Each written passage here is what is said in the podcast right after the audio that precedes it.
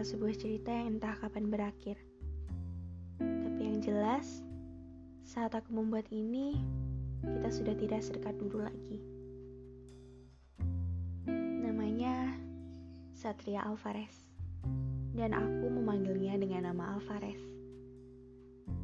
Nama yang sungguh indah bukan? Yang ku tahu sih, namanya hanyalah itu. Nama selengkapnya entah ada ataupun tidak, aku tidak peduli. Tapi yang jelas, ini adalah kisahku dengan dia. Yap, dia.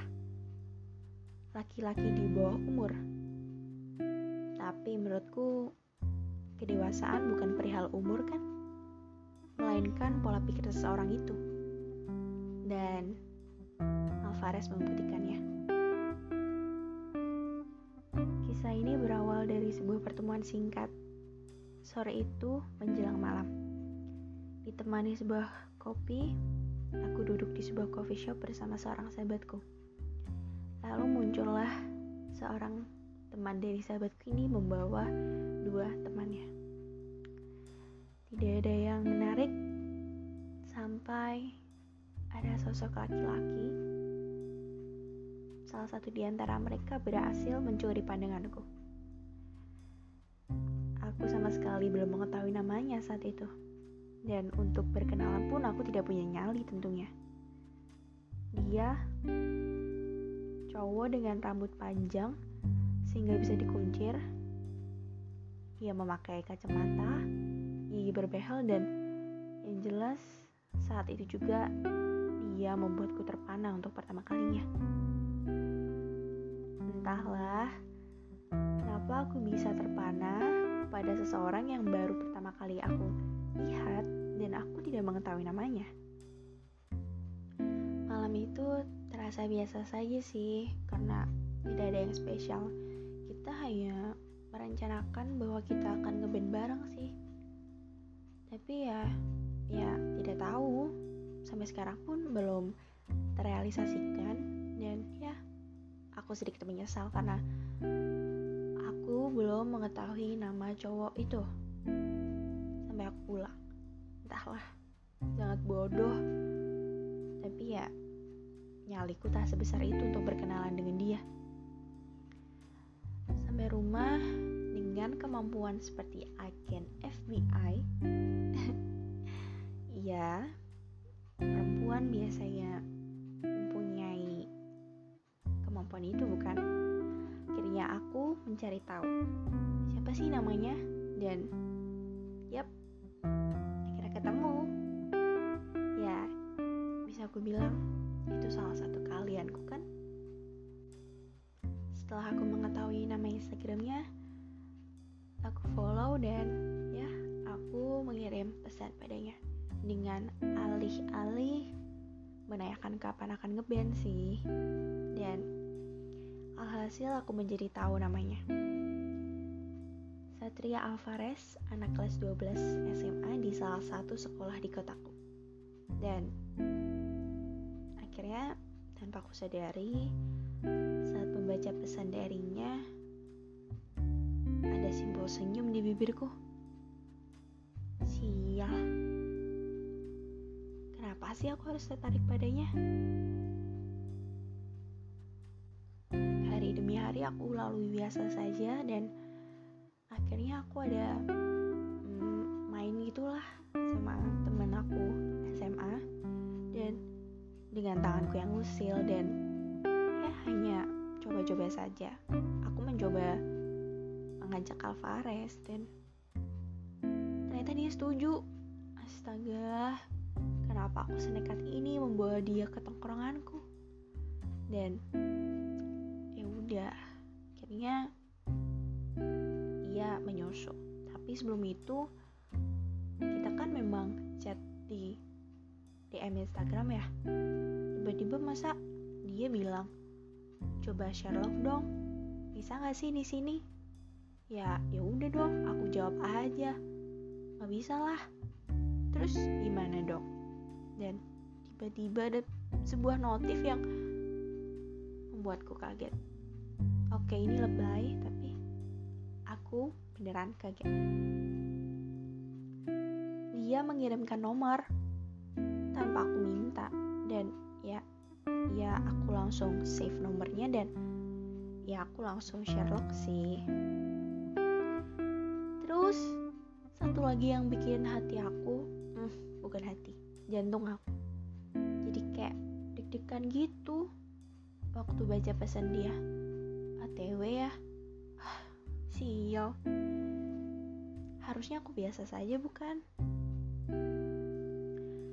Tiba-tiba ponsel aku nyala dong. Dan ternyata dia udah nelfon aku. Ya udah. Waktu dia telepon aku ternyata gak aku jawab dia tiba-tiba naik ke lantai dua. Dan ya ketemu. Dan aku terpukau. Entahlah. Tapi dia sangat sangat sangat sangat sangat. Nggak terlalu banyak sangat. Dia tampan. Ah terlalu formal. Ganteng. Ya sempurna. Dia akhirnya duduk di sebelahku. Dan suasana memang sedikit canggung sih karena emang dia laki-laki sendiri. Dan tiba-tiba aku bagus kunci apa enggak sih? Sial kalimat itu kembali lagi mengagetkanku. Entahlah kenapa bahasanya berat sekali tapi biarlah. Dan dengan dengan gugup aku hanya bisa menjawab ah uh, coba deh ini disisirin dikit. Dan iya mata temanku tertuju pada kita malam itu sebenarnya malam yang sempurna. Cowok impianku yang sering aku idam-idamkan seperti di Wattpad kalian tahu kan? Akhirnya direalisasikan oleh dia. Jadi dia um, memakai celana panjang hitam dengan kaos hitam. Memakai sepatu memakai kacamata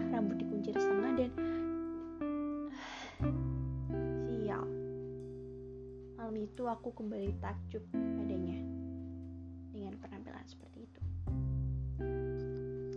Akhirnya ya kita chatting sih tapi ada sedikit konflik dan aku sama dia udah gak sedekat dulu lagi gitu. Terus sahabat aku ini ngajak aku nonton nonton film uh, Marvel gitu. Terus dia kan diajak sama temennya tuh. Ya udah dia ngusulin aku untuk ngajak si Alvarez. Karena ya udah males kan kayak ya udah deh aku coba chat Alvarez dulu. Dan kenapa sih dia harus mau? Nggak tahu juga kenapa. Dan ya udah hari itu akhirnya kami nonton berempat. Gak ada yang spesial sih cuma ya hmm, foto bareng doang berdua. Tapi tidak spesial tidak begitu spesial tapi ya seperti Hah, dia itu Alvarez yang kaku dan yang cuek. Dan dingin. Ya itu nggak nggak bikin aku betah dong sama dia. Ya udah terus aku coba buat lupain dia terus tiba-tiba malah ada notif di HP ku. Gue mau main nggak hah? Ini sebuah ajakan atau pertanyaan ya? Akhirnya aku jawab aja dong. Itu ajakan atau tanya sih? Terus dia dengan cepat jawab ajakan. Dengan tanpa pikir panjang ya akhirnya aku mengiyakan itu. Akhirnya hari minggu sudah tiba dan aku dan dia bertemu sebuah coffee shop pertama kali kita bertemu. Dan ya hanya diem aja awalnya. Terus ya karena suasana begitu canggung akhirnya aku membuka bicara. Eh ini kalau kita lomba diem-dieman menang kali ya? Dan ya ya kita tertawa. Dan senyumannya manis sekali. Oke oke. Okay, okay. dan setelah itu akhirnya kita banyak bicara tentang apa pun tentang apa aja gitu. Tentang keluarga dia tentang masa kecil dia yang ya cukup membuatku tertawa. Dan dia menunjukkan foto perubahan dia yang dari dulu sampai sekarang. Dia akhirnya berhasil menjadi cowok idamanku Alvarez yang dewasa. Bukan perihal umur sih melainkan pemikiran dia. Dan aku sangat takjub dengan pemikirannya yang aku sendiri dengan umurku yang sekarang sepertinya tidak bisa berpikir seperti itu. Dan akhirnya ada sebuah konflik. Ya cerita ini memang banyak konflik. Hmm, tapi ya. Dan akhirnya aku meminta izin pada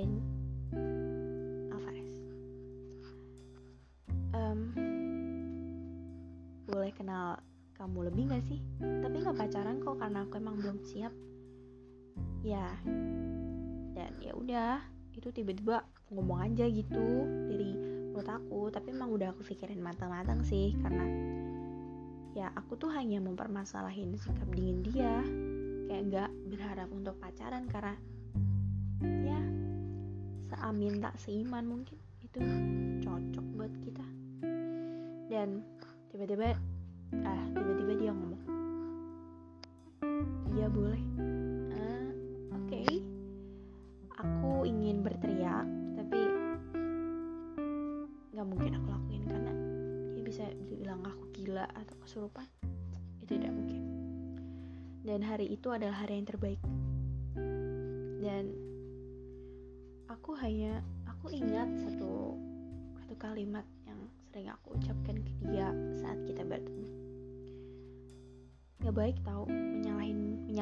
sendiri terus Gak apa-apa kok Jadiin sebagai pelajaran untuk semakin dewasa kamu gak sendiri. Kamu kan punya aku sebagai teman cerita. Kali aja aku bisa bantu kamu untuk ringanin beban kamu. Ya, bukan dalam bentuk aksi sih yang aku maksud, tapi seenggaknya kamu bisa berbagi tempat cerita. Yap, kalimat itu yang aku ingat. Dan akhirnya hmm, dia memintaku untuk kita kembali bertemu. Sebab entahlah aku juga tidak tahu. Dan uh, akhirnya aku membuka obrolan. Kenapa nih? Kok kayaknya serius banget sih? Dan dia awalnya tuh kayak ketawa tipis gitu terus akhirnya jadi serius dan bilang kayak gini.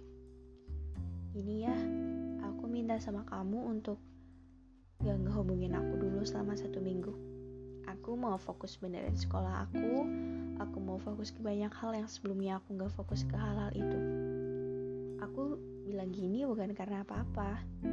Aku cuma gak mau kalau kamu salah paham sama aku. Cuma satu minggu kok. Dan dengan ya gimana ya? Sedih gak sih? Aku cuma bisa jawab oh iya gak apa-apa kok aku paham tapi tugas kamu harus kelar ya dan dia menjawab, pasti. Lalu suasana hening menjadi canggung dan akhirnya aku ingin mengutarakan sesuatu dan aku hanya bilang seperti ini. Um, emangnya kenapa sih? Dan dia jawab, nggak apa-apa, aku cuma pengen fokus dulu selama satu minggu. Aku mau mulai nge-gym sama mamaku. Seminggu doang kok. Terus ya. Ya seperti itu alasannya. Dan ada satu kalimat yang keluar dari mulutnya yang ya ingin membuatku menangis sepertinya. Kalimatnya seperti ini. Oh iya sama ini ya. Kamu cari yang lain juga ya selain aku dan dengan cepat aku menjawab maksud kamu apa ya maksud aku aku belum tentu sama kamu. Masih banyak hal yang gak mungkin kita jadi satu. Aku gak mau kamu kecewa. Maksud aku, kamu punya yang lain gitu, biar kalau nanti kamu gak sama aku, kamu gak sakit hati banget. Dan dengan tegas, aku langsung jawab ke kamu tahu kan prinsipku dari awal? aku nggak mau pacaran dulu. Ya aku tahu kok kita nggak akan bisa. Pasti kamu pengen dong punya pacar yang seiman. Dan dia pun mengangguk. Terus aku terusin aja ngomongnya. Ya aku juga pengen yang seiman, yang bisa aku ajak ke gereja bareng. Aku pengen itu. Tapi maaf ya, kalau kamu nyuruh aku untuk cari cadangan, itu bukan aku. Dan ya, dia minta maaf. Ya, aku tahu sih maksud dia baik karena emang kita gak mungkin bersama-sama gitu. Dan waktu pulang dia cuma ngomong kalau mau ajak aku main gak apa-apa kok. Kan kita masih teman. Sama seminggu aku pokoknya nggak aktif sosmed ya. Terus ya udah, cuma balas dengan senyum doang sih. Hari berikutnya memang terasa berat sih karena jujur aku sudah menyukai Alvarez. Tapi ya aku tahu kita nggak akan bisa bersatu kan? Karena ya seamin tak seiman. Dan ya akhirnya aku mulai melupakan dia. Aku benar-benar tidak chat dengannya. Seminggu lebih mungkin dan aku menonton film bersama dua orang sahabatku. Dan salah satu temanku ada yang menyusul dan ternyata dia mengajak Alvarez. Dan itu benar-benar posisi canggung banget gitu. Kayak di malam itu tuh aku cuma nanya wah dia siapa? Kok aku kayak nggak kenal dia sih? Asing banget bukannya terakhir itu dia ngomong kita kan temen. Kenapa dia seolah-olah gak kenal aku? Ya akhirnya aku coba chat Alvarez dong. Ya pokoknya intinya kenapa sih kita jadi asing kayak gini? Kamu sendiri yang bilang kalau kita itu teman. Teman kan gak kayak gitu kayak tadi. Dan ternyata dia mengira kalau aku marah karena kejadian itu. Dan ya aku menjelaskan kalau aku tidak marah dan ya usai. Um, bukan usai. Jeda mungkin?